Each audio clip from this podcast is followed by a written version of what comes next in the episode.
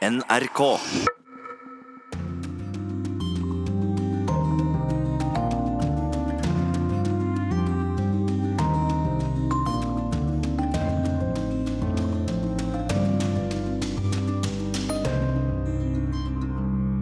USAs 41. president, George Herbert Walker Bush, døde i natt. Husket ikke minst for den første krigen mot Irak. Five months ago, Saddam Hussein started this cruel war against Kuwait. Tonight, the battle has been joined. Saudi-Arabias kronprins er på plass på G20-møtet i Argentina. Men vil verdens ledere snakke med mannen som muligens ga ordre til drapet på Khashoggi? Ja, i alle fall Teresa May. De to møttes i går. Vår Midtøsten-korrespondent har vært på bar i Syria. Dette er Cosette, en av Damaskus' kanskje hippeste nye barer. En torsdag kveld idet helgen i Syria er i ferd med å begynne. Vi skal også høre om den amerikanske misjonæren som ble drept fordi han insisterte på å fortelle en isolert folkegruppe om Jesus. Og podden Krig og fred handler i dag om Ukraina og Russland. Velkommen til Urix på lørdag. Jeg heter Gro Holm. Tidligere president George Herbert Walker Bush ble 94 år. Han døde i natt i sitt hjem i Texas, vel et halvt år etter sin kone Barbara Bush. Bush den eldre var både CIA-direktør og visepresident før han i januar 1989 ble tatt til ed som USAs 41. president. Før hans første år var omme, hadde Berlinmuren falt, og Bush brukte store ord da han møtte Sovjetunionens president Mikhail Gorbatsjov i juni 1990. You and I must challenge history, uh, make new strides, build a relationship of enduring cooperation. Her eh, snakker Bush om at han og Gorbatsjov sammen må utfordre historien og innlede et varig samarbeid. Slik gikk det ikke. Én ting var at Sovjetunionen gikk i oppløsning, men eh, i hvilken grad var Bush klar til å gi Russland en ny rolle i Europa? Eh, historiker, forsker Geir Lundestad. Han hadde jo vært Reagans visepresident i åtte år, men han hadde utvikla en betydelig tvil overfor Reagan at han kanskje hadde gått for langt. Han hadde gitt for mange innrømmelser overfor Gorbatsjov. Så det første halvåret etter at han ble president, det brukte han til å revurdere hele politikken. Men han kom til at det var ikke noe alternativ. Han måtte følge opp eh, Reagan sin eh, politikk da, og så satsa han jo på noe som var ganske dristig for en nokså forsiktig politiker det, han satsa jo på Tysklands samling. Han stolte helt og fullt på Helmut Kohl, og han ble en vesentlig drivkraft i å få gjennom eh, Tysklands eh, samling. Der sto han løpet helt fast. Men, eh, men, hvordan så han for seg eh, Russlands rolle i, i, det nye Europa uten Sovjetunionen? Eh, skulle Russland inn i, i det gode selskap, eller, eller, var det et poeng, et stort poeng for Bush å holde han utenfor eh, Nato f.eks.? Altså Bush hadde jo ikke noe ønske om å avvikle den strukturen som hadde ført til så store resultat, så han var jo helt fast på dette med Nato, men han ville ha et tett samarbeid med Gorbatsjov. Men, eh, og han hadde jo ikke noe imot den utviklinga som skjedde med at Sovjetunionen ble eh, oppløst, fordi at det vil jo være en, en, positiv utvikling. Men når det gjaldt Ukraina, var han jo veldig forsiktig. På, han, han var skeptisk til at Ukraina skulle bryte ut, og bli egen stat. Men, men så kom jo da så brøt eh, Sovjetunionen opp, og Russland kom inn som eh, president i Jeltsin kom inn som president i Russland. Jeltsin snakket ganske tidlig om at ja, det kunne hende at Russland en gang ble medlem av Nato. Var det noen gang en aktuell tanke for, eh, for Bush den eldre? De måtte jo finne på noe for å få innpassa Russland institusjonelt men eh, at, de, eh, at, Nato i realiteten skulle mer eller mindre oppløses, det var en helt eh, fremmed tanke. Og han var jo ganske skeptisk, til Jeltsin. Han var en meget impulsiv kar som ikke akkurat oppførte seg sånn som var idealet for George Bush. Vi skal ta et langt sprang fram til 1991, for da hadde en USA-ledet koalisjon drevet Irak ut av Kuwait i løpet av en krig som varte i 100 timer. Her hører vi Bush. I am pleased to announce that at midnight tonight, Eastern Standard Time, exactly 100 hours since ground operations commenced and six weeks since the start of Operation Desert Storm, all United States and coalition forces will suspend offensive combat operations. Ja, eh, Etter bare 100 timer avsluttet altså den USA-ledede koalisjonen offensiven mot Irak uten å forsøke å styrte Saddam Hussein. Det ble det jo sønnen, altså George Bush, eh, som gjorde da i, i 2003. Eh, hvordan har ettertiden vurdert Bush den eldres tilbakeholdenhet? Ja, det er jo både og. De fleste har gitt han gode karakterer for dette her. Fordi at eh, For det første grep han jo inn, og det var jo bred enighet om at man kunne ikke bare tillate Saddam Hussein å inkorporere Kuwait i Irak, så at det måtte gjøres noe. Det var greit.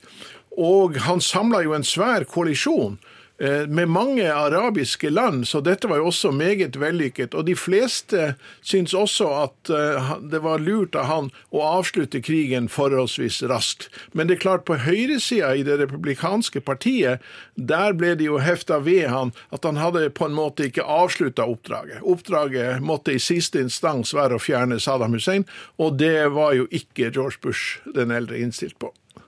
Takk til deg, Geir Lundestad.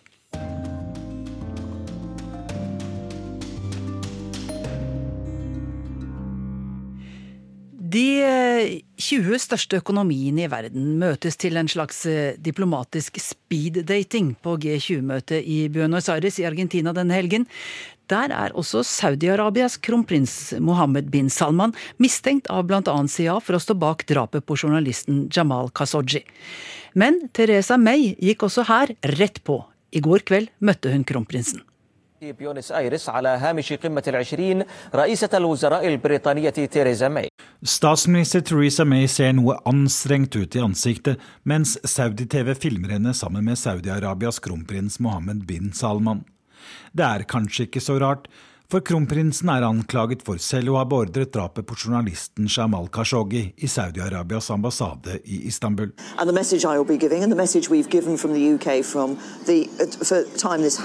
Saudi-araberne må sørge for at det er en full etterforskning, at den er åpen og pålitelig, og at de som står bak blir stilt til ansvar, sier May. Under det tradisjonelle familiefoto på møtet ble Saudi-Arabias kronprins stående litt for seg selv. Det er første gang han opptrer i en så stor sammenheng etter det brutale mordet på journalisten, og de andre lederne ville markere avstand. Men det var ett unntak på møtet. Det er ikke bare drapet på Khashoggi, men Russlands aggresjon overfor Ukraina og Donald Trumps handelspolitikk overfor Kina legger en demper på stemningen.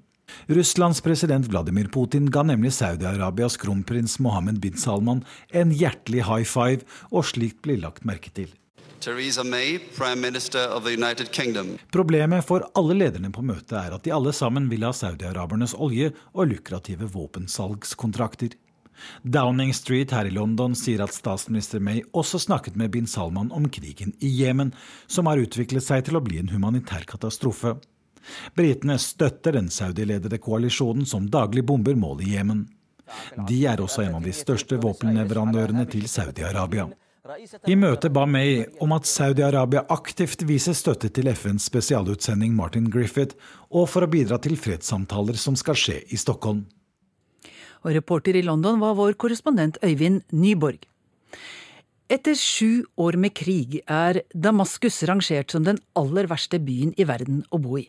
Likevel har, likevel har nattelivet i den syriske hovedstaden blomstret de siste årene. I helgene er gamlebyen full av folk på barene, og krigen synes langt unna.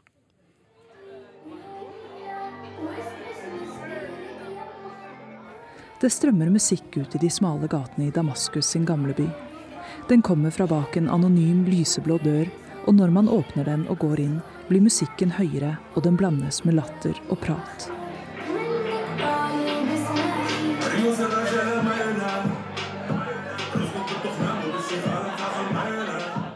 Her er mennesker tett i tett. Unge menn og kvinner sittende, stående, drikkende, dansende, pratende, røykende, flørtende og leende. I enden av rommet er en stor bardisk, der tre bartendere blander cocktailer og fyller vinglass foran hyller med flasker. Dette er Cosette, En av Damaskus' kanskje hippeste nye barer en torsdag kveld idet helgen i Syria er i ferd med å begynne. Hit kommer krigstrette innbyggere for å slippe seg løs. Blant dem er Adam og Raya. Han er personlig trener, hun motedesigner. De sitter ved et av bordene og forteller at livet er i ferd med å vende tilbake til den syriske hovedstaden. Before like three, three months, four months, the, the life is back to Damascus and Syria. It's like we come into the parties, see everyone, you know, it's amazing. Yeah. Now during war, many places open. People they are thriving to live again. They just want to feel alive. I løpet av krigen har mange nye barer åpnet, sier de, og begrunner det med at folk bare ønsker å føle seg levende igjen. Cosette åpnet for halvannet år siden, midt i krigen. Startet av entreprenøren Somar Hasem, som er en av dem som står i baren og blander drinker. Han smiler lett og ofte, og kjenner mange av dem som kommer hit, noe som gir Cosette en uformell og hyggelig følelse, nesten som om du trer inn i noens stue. Hasem vet at dette er et av de få stedene der unge syrere kan komme for å slippe seg løs og ha det gøy, en nødvendighet når alt er mørkt av krig. They, they are related to somehow war and fun, which is uh, like a black comedy, but somehow they are related. Krig og moro hører sammen på et eller annet vis. Det er kanskje som en svart komedie, men de henger sammen, sier Somar. Tidligere drev han hotell i gamlebyen. Da krigen startet, sluttet turistene å komme, og hotellene måtte stenge. Så, etter noen år, startet han to barer. Først den ene, så Cosette.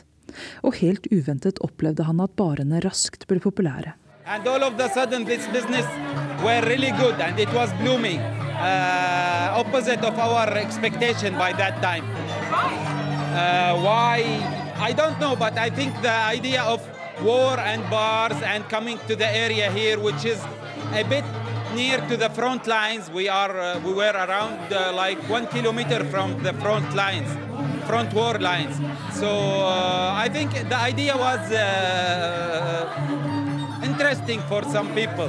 You feel like adventurous or something like this, and I think that was one of the points where uh, why people like to come here and to visit these places.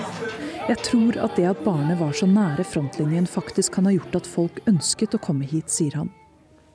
Og han kaller barn et lite sted av lys og liv i et mørke.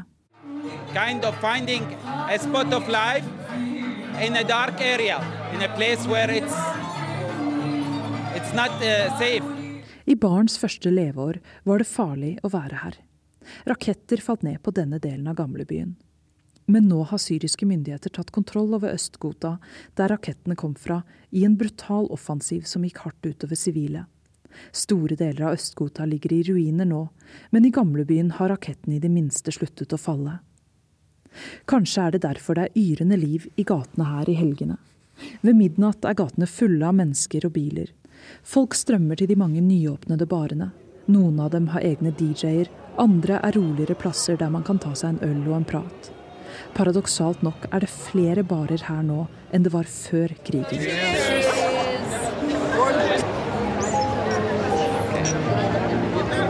På en fortausbar sitter en vennegjeng og drikker shots og røyker vannpipe.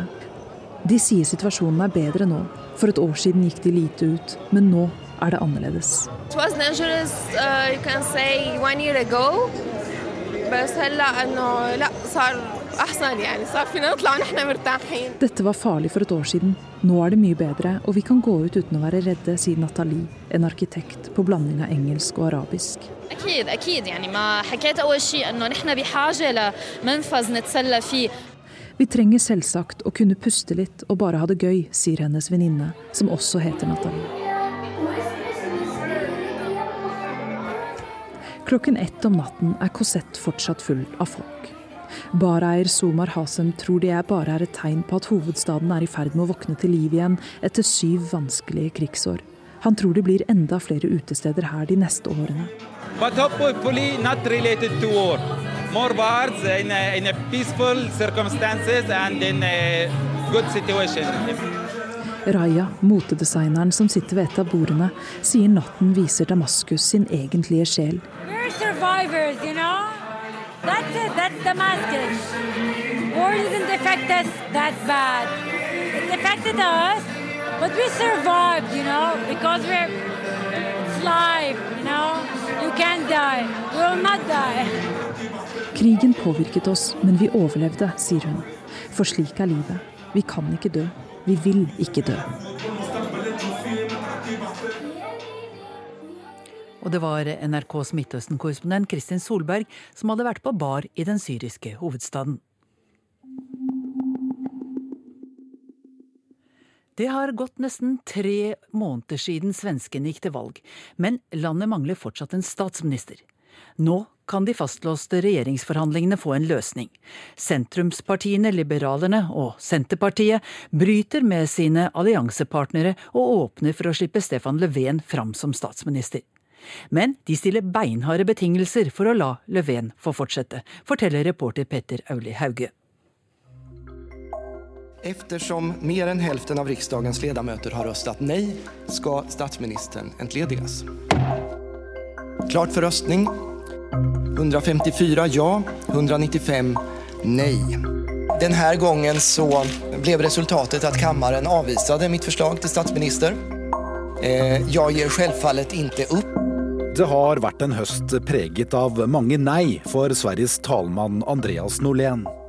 Mannen med ansvaret for å skaffe Sverige en ny statsminister har hatt en vrien jobb. Nesten tre måneder etter valget står Sverige fortsatt uten en ny regjering. Partienes posisjoner har vært fullstendig fastlåste. Jeg kan bare konstatere at om de fortsetter å beholde samme posisjoner som nå, så kommer vi til å få noen ny regjering. Kanskje var det talmannens nøkterne beskrivelse av den håpløse situasjonen som førte til endring. Kanskje var det trykket fra en oppgitt og utålmodig befolkning. Denne uken ble det i alle fall bevegelse i de fastlåste regjeringsforhandlingene i Sverige, med den avsatte statsministeren igjen i sentrum.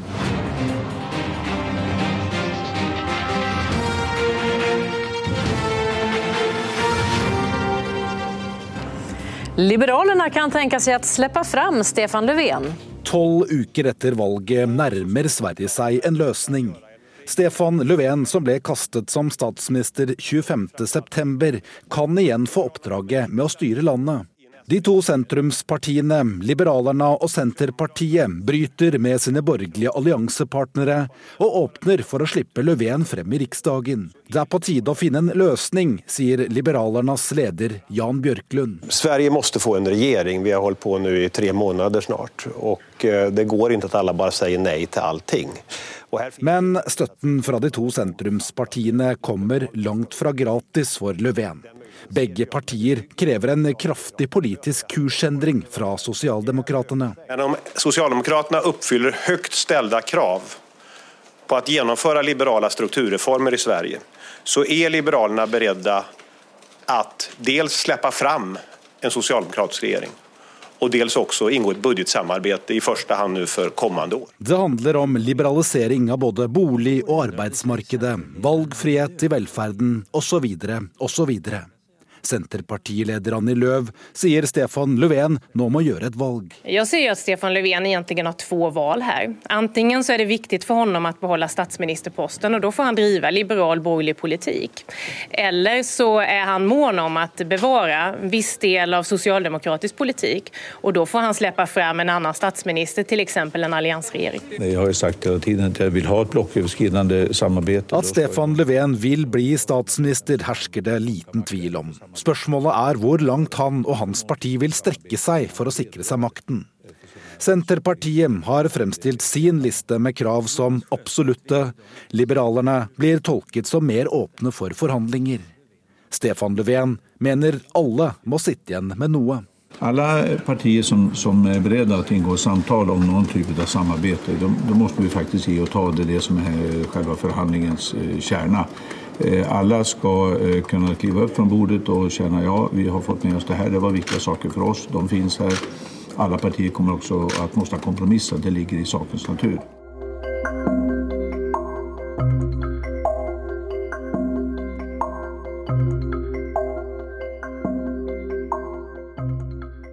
Om talmann Andreas Norlén nå har løst den politiske krisen som har lammet Sverige siden valget, får vi trolig svar på til uken. Da skal Riksdagen igjen stemme over Stefan Löfven som statsminister. Han må unngå et flertall mot seg, slik er reglene i Sverige. For å klare det må de to nevnte sentrumspartiene ikke stemme nei. Også Löfvens gamle samarbeidspartnere Miljøpartiet og Venstrepartiet må med på laget på en eller annen måte. Det blir krevende å få til, men er kanskje ikke umulig. Sikkert er det at Stefan Löfven går noen vanskelige dager i møte.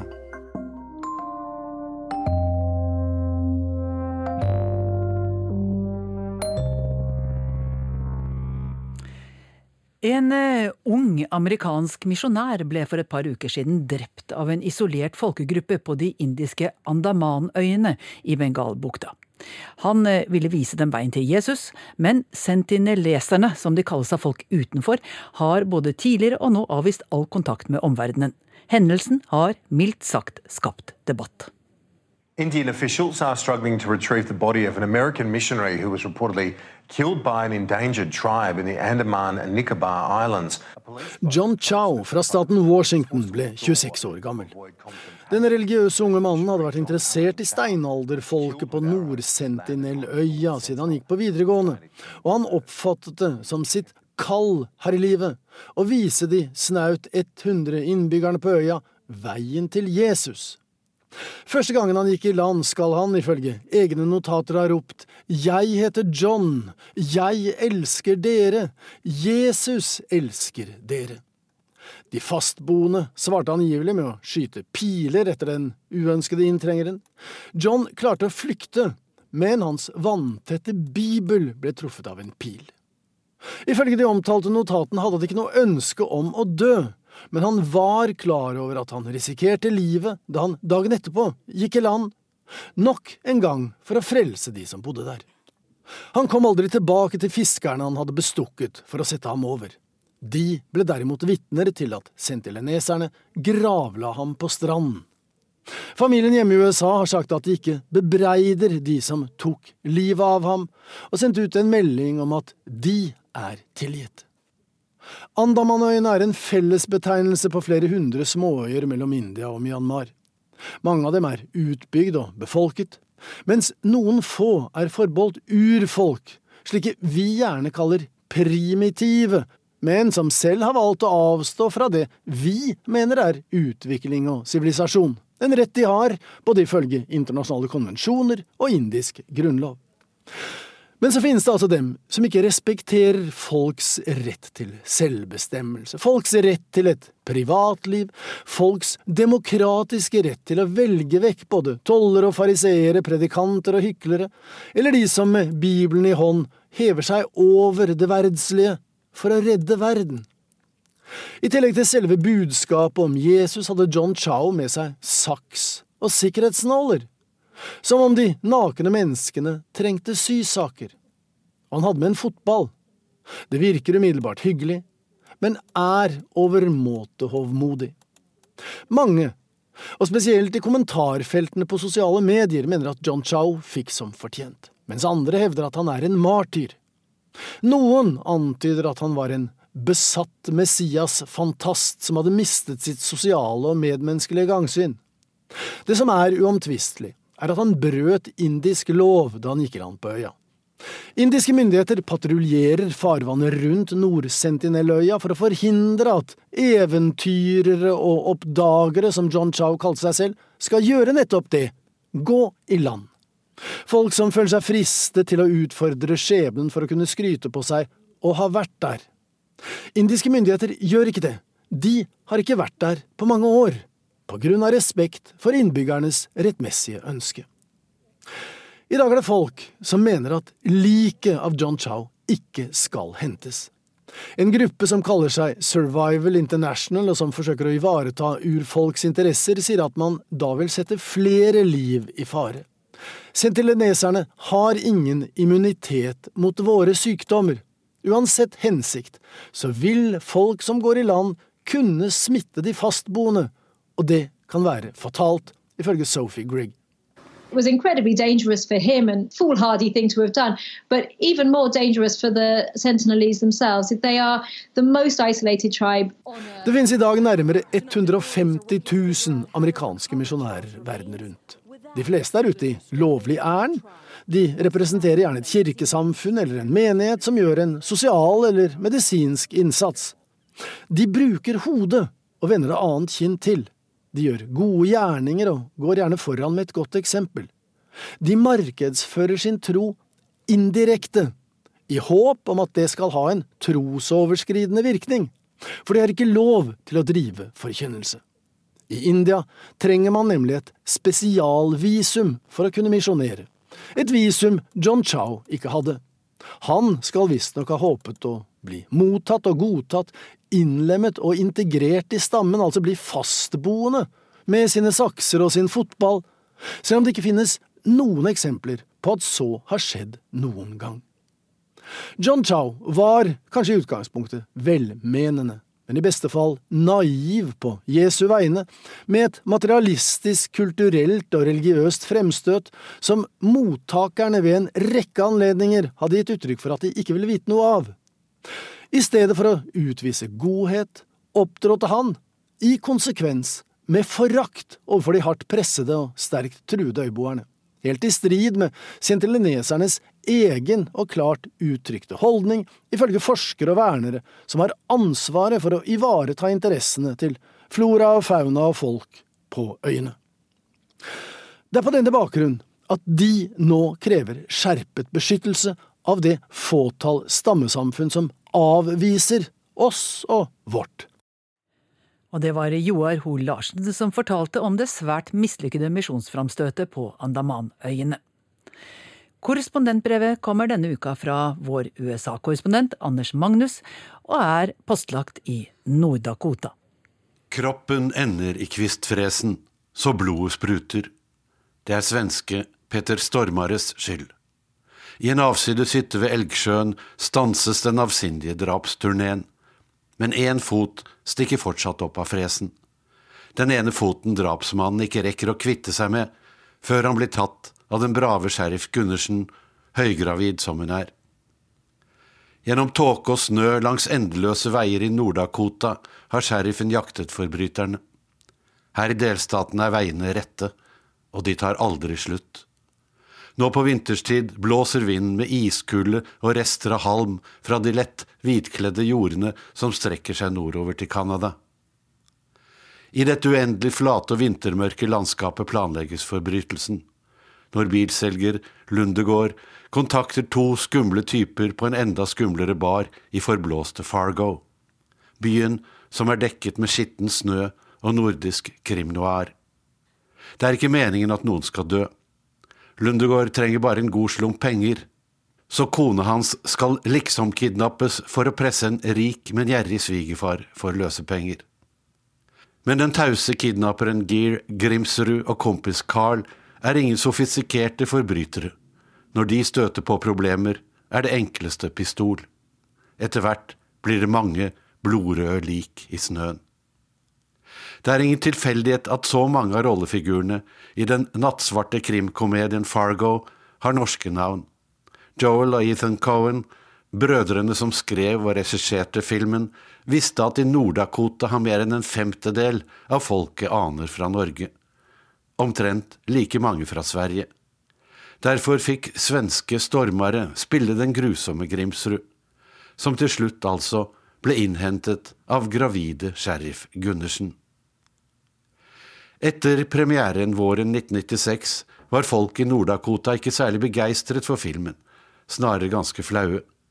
De ble jo framstilt som halvtomsete og naive nordboere med rar dialekt, som drar på vokalene, sier ja i stedet for yes, og hele tiden lirer av seg uttrykk som you betcha og ofta.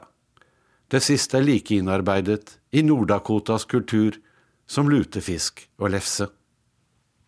Men flauheten over filmen Fargo forsvant. Byen med samme navn fant ut at man heller kunne fremme turisme ved å stille ut den originale kvistfresen fra filmsettet på Fargos besøkssenter. Hver dag i sommerhalvåret kommer det flere hundre mennesker hit for å la seg avbilde mens de liksom dytter en fot av plast ned i kvernen med en vedkubbe. Besøkssenteret stiller velvillig opp med tømmerhoggerluer for å gi turistbildene autentisitet. I høysesongen må vi jevnlig desinfisere luene, forteller den blide damen bak disken når NRK kommer på besøk. Vårt ærend til Fargo er ikke motivert av filmen, men av mellomvalget. Der amerikanerne gikk til stemmeurnene for å bestemme alt fra hvem som skal sitte i de nasjonale og lokale folkevalgte organer, til lover og regler om minstelønn, abort og legalisering av cannabis.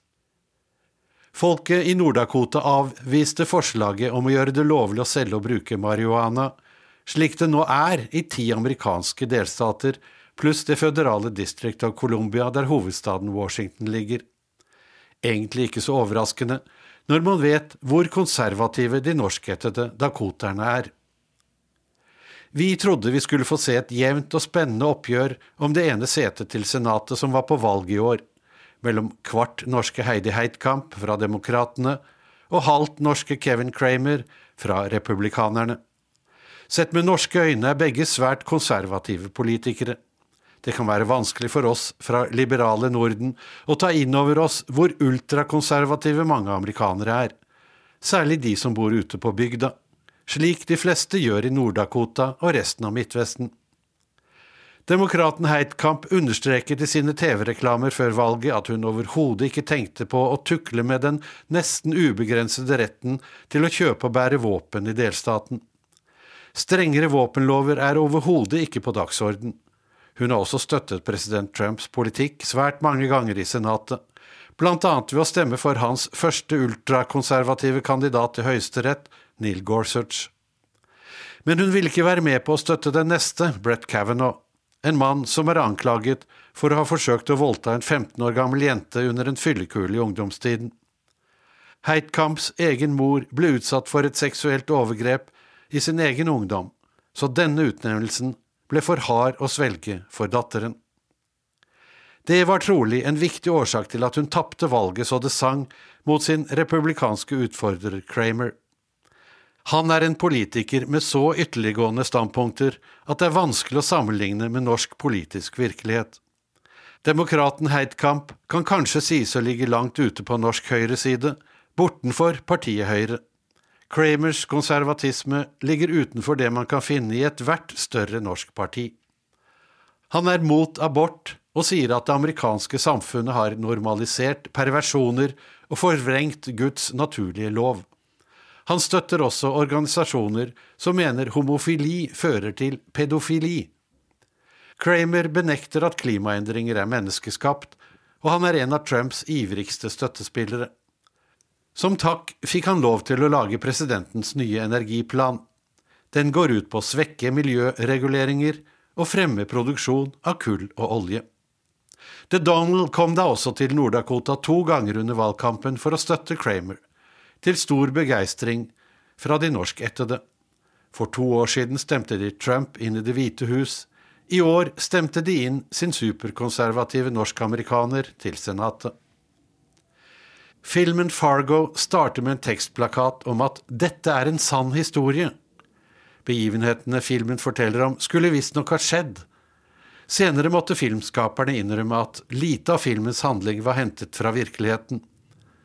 Men som Joel Cohen sa, hvis publikum tror at noe er basert på virkelige hendelser, så tillater de da også å gjøre ting de ellers ikke ville akseptert. Denne geniale trylleformularen fra underholdningsbransjen har også reality-stjernen og showmannen Donald Trump tatt i bruk. Gi publikum noe de tror er basert på virkelige hendelser, så tillater de deg også å gjøre ting de ellers ikke ville akseptert. I månedene før mellomvalget 6.11 drev den 72 år gamle presidenten en heseblesende valgkampturné. Imponerende nok talte han på til sammen 44 store valgmøter for å støtte republikanske kandidater. I USA går økonomien strålende, og arbeidsløsheten er rekordlav. Men det var ikke hovedbudskapet til presidenten. Han snakket heller om det folk frykter innvandring. På møte etter møte hamret han inn farene ved at fremmede tar seg ulovlig inn over grensen i sør. Formelen var den samme som i filmen Fargo. Gi publikum noe de tror er basert på virkelige hendelser. Trump snakket om migrantmarsjen, som jo var en virkelig hendelse, Flere tusen migranter fra Honduras marsjerte gjennom Mexico i håp om å nå det forjettede land USA, for å virkeliggjøre drømmen om et bedre liv innenfor det rike og trygge Amerikas grenser. Alle visste at migrantmarsjen var virkelig. Nyhetskanalene fra Fox til CNN viste bilder av tusener av mennesker på vei nordover. Trump snakket altså sant. Deretter kunne han tillate seg neste steg i dramaturgien å si ting folk ellers ikke ville akseptert. Som at det fantes en rekke IS-krigere fra Midtøsten midt i marsjen, og at den også var fylt opp med kriminelle gangstere. Som at det var Det demokratiske partiet som hadde invitert migrantene til å marsjere mot USA, og at demokratene også betalte de vandrende. Fordi demokratene etter Trumps utsagn ønsket vidåpne grenser, et voldelig og kriminelt samfunn og tilstander som i Venezuela. Alt det siste er selvsagt en del av Trumps beryktede arsenal av feilaktige påstander. Men det gikk hjem hos publikum fordi han tok utgangspunkt i en virkelig hendelse, og i den reelle frykten særlig hvite folk føler, at de snart vil komme i mindretall i sitt eget land dersom ikke innvandringen kommer under kontroll. Med sin filmdramatilnærming til sannhet og løgn er Trump i ferd med å omskape den politiske samtalen i USA der man kan plukke de minste korn av sannhet og fakta, og så føye til akkurat det man selv ønsker der og da. En samtale der det blir nesten umulig for politiske opponenter å komme med saklig motstand.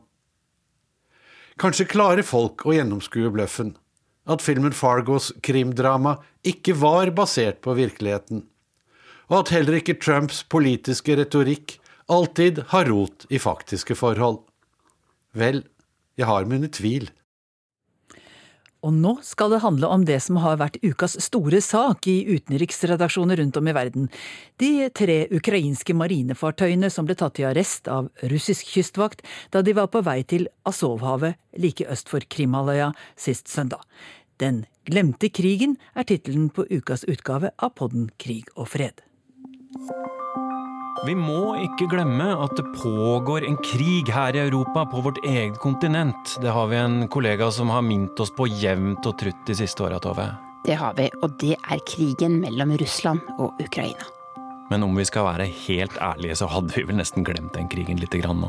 Vi hadde det. Jeg måtte lese meg opp da jeg kom på kveldsvakt i Dagsrevyen på mandag. Da smalt det. Da var krigen tilbake med et brak. Du hører på Krig og fred med Tore Moland.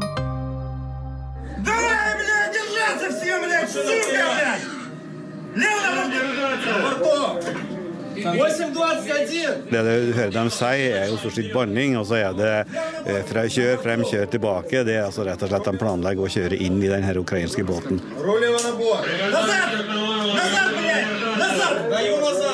Det høres ganske dramatisk ut? Ja, det er jo det. Både det å ramme en båt på det viset ute på havet, og i tillegg også skyte, selvfølgelig. For meg så framstår det her som en overdrevent hard reaksjon.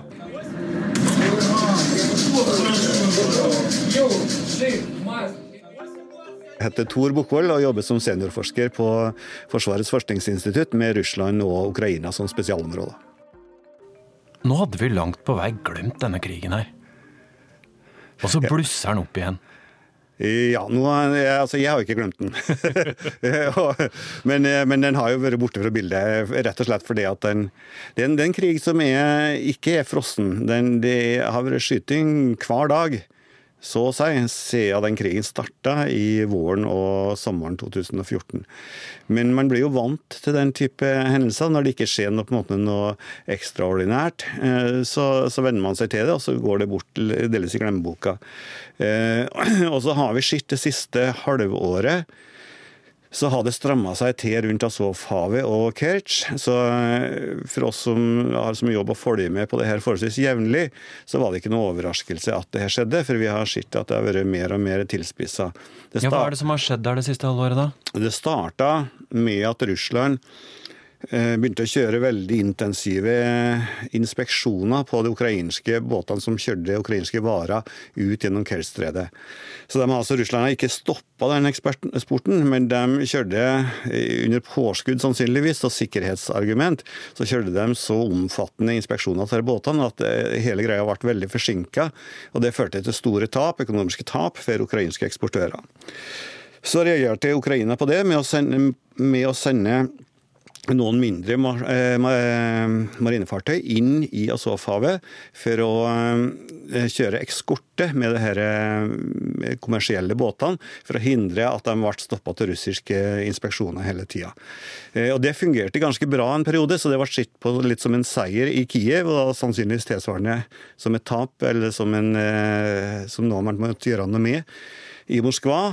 Så så kan du jo si at det, det, det, siste, det som skjedde nå, og som måtte ha fått det til å sprekke, er vel da at Russland prøver å ta tilbake noe av den kontrollen de mista. Så det er den ene sida gjør noe, den andre sida gjør et mottrekk, den første sida gjør et nytt mottrekk. Det blir vanskelig å si hvem som har skylda òg, da, kanskje? Ja, det, det, kan du si, men eh, det finnes en avtale for dere her, fra 2003, mellom de to landene, der det står at eh, begge land anerkjenner Azov-havet som et innhav delt mellom de to landene. Og så er det ganske detaljerte beskrivelser av hvor fri trafikken skal være gjennom Kerstredet.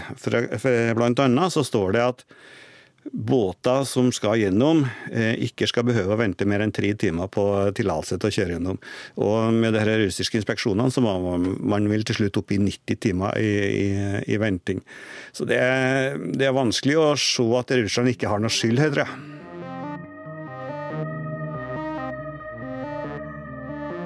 Nå har jo denne siste konflikten bare pågått noen døgn, eh, men den viser jo veldig sterkt at eh, russerne ønsker å eh, være de store sterke. De som har helt overlegen militær makt i dette området. Og selv om Russland altså har annektert, har tatt Krimhalvøya i strid med internasjonal lov, vil vel de fleste si, så eh, vil de nå vise at de håndhever sin militærmakt, militære makt, sin autoritet, på havområdet rundt Krimhalvøya. Og de vil ikke slippe noen andre til der. Eh, de har også bygd denne her svære brua på bare litt over to år mellom det russiske fastlandet og Krim. Og det viser også hvor store ressurser de er villige til å spytte inn i dette her. Og, og, og nå har de begynt å håndheve og vise hele verden at det er de som eh, bestemmer her. Hei, jeg er eh, Jan Espen Kruse, og jeg er eh, korrespondent og dekker det tidligere Sovjetunionen, så det er et ganske svært område jeg dekker. Akkurat nå er jeg i Kiev og dekker konflikten mellom Ukraina og Russland. Jeg tror vi må prøve oss på en bitte liten geografitime, og så skal jeg være eleven, og så får du være lærer, Jan Espen, og si fra om jeg får dette riktig. Hvis vi da sier at Krim er eh, på en måte midtpunktet, brennpunktet her, eh, og plasserer det midt på kartet, så har vi eh, Svartehavet da i sør, og så har vi Ukraina i vest, som henger sammen med Krimhalvøya med en eh, liten landtarm. Og så har vi Russland i øst, som egentlig ikke henger sammen med Krimhalvøya i det hele tatt, men der det er bygd ei bru over. Og så ligger dette Azovhavet da i nord. Og så foregår dette i, i Kertsjstredet, som da er, er stredet mellom Russland og Krim. Var det riktig? Det var en veldig god eh, geografitime. Den eh, tror jeg du hadde fått bestått på. Takk. Men hvorfor er da dette Kertsjstredet og Azovhavet så viktig? Eh, det er viktig rett og slett fordi det jo eh, viser denne konflikten mellom Russland og Ukraina så veldig tydelig.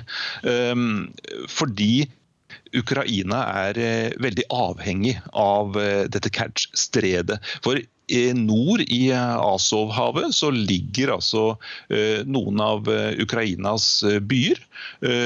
Og de har massevis av tungindustri. Det er metallvarer og sånt de produserer. Og de bruker jo kull fra området i nærheten. Sånn at hvis disse bedriftene ikke får frakta ut sine varer, så får de heller ikke penger til å få betalt alt eh, de som jobber der. Og Derfor er det så viktig at dette Kertsj-stredet, som jo er eneste veien ut og inn fra dette Azov-havet og ut til Svartehavet osv. Eh, hvis russerne stenger det og holder full kontroll på det, så har de makt til å, å ødelegge ganske mye for disse ukrainske byene som ligger innenfor. Jeg president як Верховний головнокомандувач Збройних сил України, я виконав свій конституційний обов'язок і кілька годин тому своїм указом запровадив воєнний стан на всій території України з 9 години ранку 28 листопада.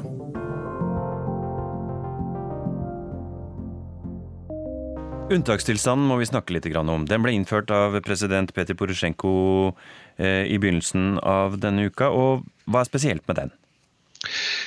Ja, Det som er spesielt, er jo at eh, de militære får veldig ut utvidede fullmakter. Eh, I de regionene som ligger tett inntil eh, grenseområdet til Russland, så, så, så, vil de militære kunne reagere uten å ta noe hensyn til politiske myndigheter. Eh, sånn at eh, De militære er satt i alarmberedskap. Eh, det blir mye mer kontroller i disse områdene.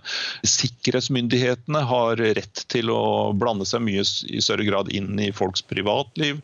Det er veldig spesielt, sier den politiske opposisjonen her, at dette med militær unntakstilstand ble ikke brukt da Krim-halvøya ble annektert. Det ble ikke ikke brukt da krigen i eh, Øst-Ukraina brøt ut og var på sitt mest alvorlige. Eh, så hvorfor er det nødvendig å gjøre dette så dramatisk akkurat nå, spør opposisjonen. Ja, for president Porosjenko han ligger jo ikke så godt an på hjemmebane før et valg i mars. Kan det ha passa godt for han med en litt stor ytre fiende akkurat nå? Det er det opposisjonen her i Ukraina eh, sier, eh, rett ut. At eh, dette har presidenten glede av. Han trenger virkelig å komme seg oppover på meningsmålingene. Han vil nok gjerne ha en ny periode. Så de anklager ham for det. Men til å begynne med så var det jo snakk om 60 dager med unntakstilstand. Så ble det 30 dager eh, fordi at det ikke skulle komme for nær opp til presidentvalget i slutten av eh, mars. Så Porosjenko selv avviser at det har noe med saken å, å gjøre, mens andre, og også naturligvis fra russisk side, så er jo det hovedbudskapet at dette har blitt provosert fram av Porosjenko. Ja, Hvordan skal dette gå?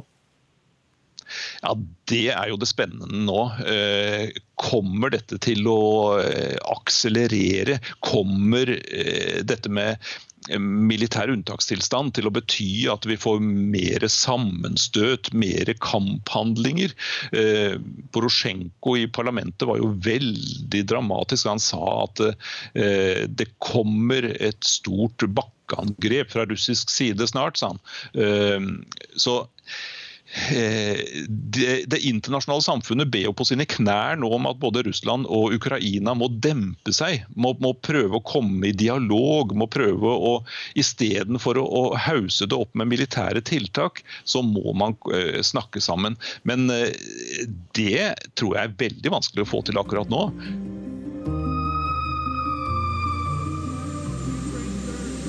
Not good. We're not happy about it at all. Not at all. We've let our position be known, and we're not happy about it. What will the response be? Uh, we, we do not like what's happening either way. We don't like what's happening, and hopefully it'll get straightened out. I know Europe is not.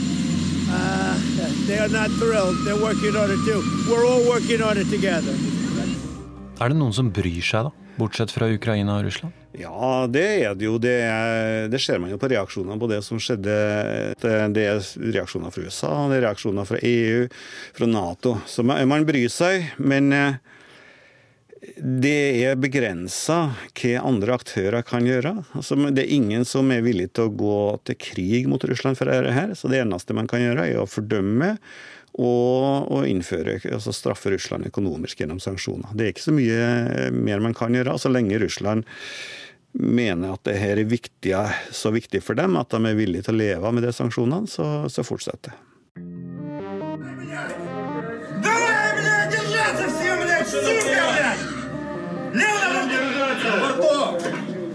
Det er ikke tillit, det er ikke kontakt mellom partene. Og det er det som gjør situasjonen veldig farlig, ikke minst da hvis man da overlater eh, slagplassen da til sånne personer som denne kapteinen. Og jeg kan jo også si at det fins eh, ganske ville, ustyrlige krefter på ukrainsk side her også. Det er jo det som gjør situasjonen farlig.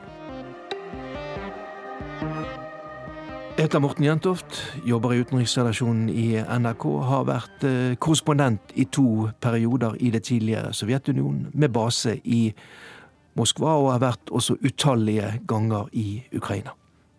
Og nå sist korrespondent i Moskva fra 2014 til 2018 kom til Moskva 25.8.2014, og dagen etterpå så satt jeg på toget ned til Donbass, til konfliktområdet der det raste en blodig krig akkurat da. Morten, du er den kollegaen jeg har som ofte har minnet oss andre på at det foregår en krig i Europa. Syns du vi har hatt en tendens til å glemme denne konflikten? Ja, det er vel en tendens man ofte har til eh, konflikter. De er hot en stund, og så glir de litt ut i skymyndan. Og sånn har det vel også vært med konflikten i uh, Ukraina. Nå var den jo, eh, som jeg sa, på det mest intense da uh, sommeren tidlig på høsten 2014. Så har den blusset opp igjen, blant annet i januar-februar 2015. Mens etter det så har det jo vært en slags stillingskrig langs en nesten 500 km lang frontlinje øst i Ukraina, i Donbas-området. Men der det har foregått skyting hele tiden, ofte intense kamper, der mange har blitt drept. Mer enn 10 000 er jo drept i konflikten i Ukraina så langt. For deg da, som en observatør som har fulgt dette i mange tiår, hvordan er det å se da at tidligere allierte plutselig blir fiender?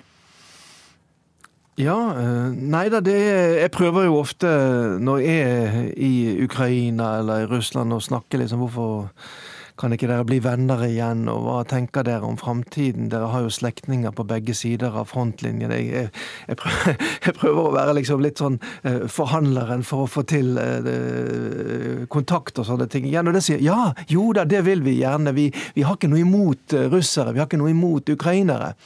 Vi vil jo ha kontakt, vi vil leve fredelig sammen. Men så går de da likevel neste dag ut og skyter på hverandre.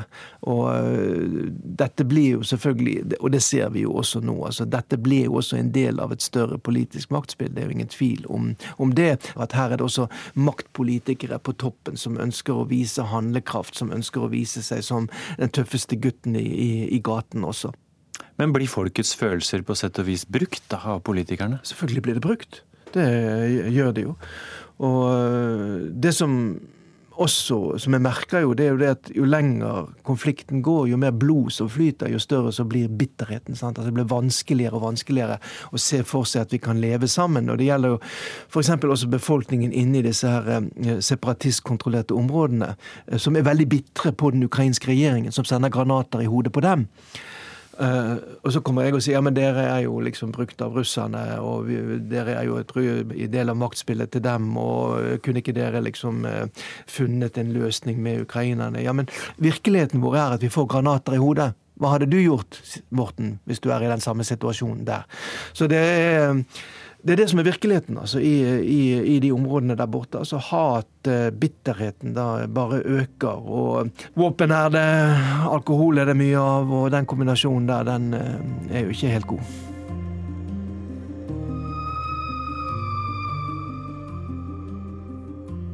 For to-tre år siden så trefte jeg tidligere sjef for ukrainsk etterretning, og han sa i forbindelse med anneksjonen av Krim at vi hadde aldri forestilt oss at de kunne gjøre noe sånt mot oss. Så jeg tror det var et sjokk.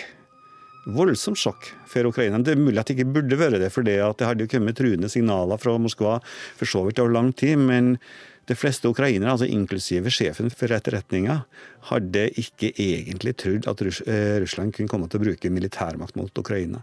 Så Sånn sett så tror jeg du har et poeng at er noen som følte seg så tett Meningsmålingene viste jo at helt fram til til regimeskiftet og Maidan i februar 2014, så hadde det overveldende flertallet av befolkninga i Ukraina et veldig positivt syn på Russland. Over 70% sa at de hadde et positivt eller veldig positivt syn på Russland. Nå er det ganske sterkt forandra, selv om det er mange som fremdeles har det. Men eh, det var Det føltes nok ekstra vondt for ukrainerne, ja, at eh, russerne skulle, skulle begynne å skyte på dem. Det er noe med når folk som har levd tett sammen, altså slektninger nesten, da, begynner å bli uvenner. Så blir det stygt, så blir det røft.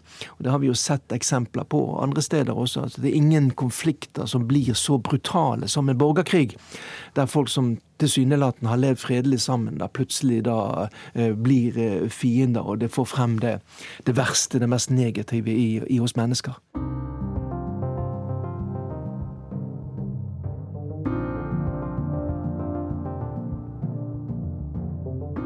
Du har hørt podkasten Krig og fred fra NRK Urix. Og dermed er denne Urix på lørdag slutt.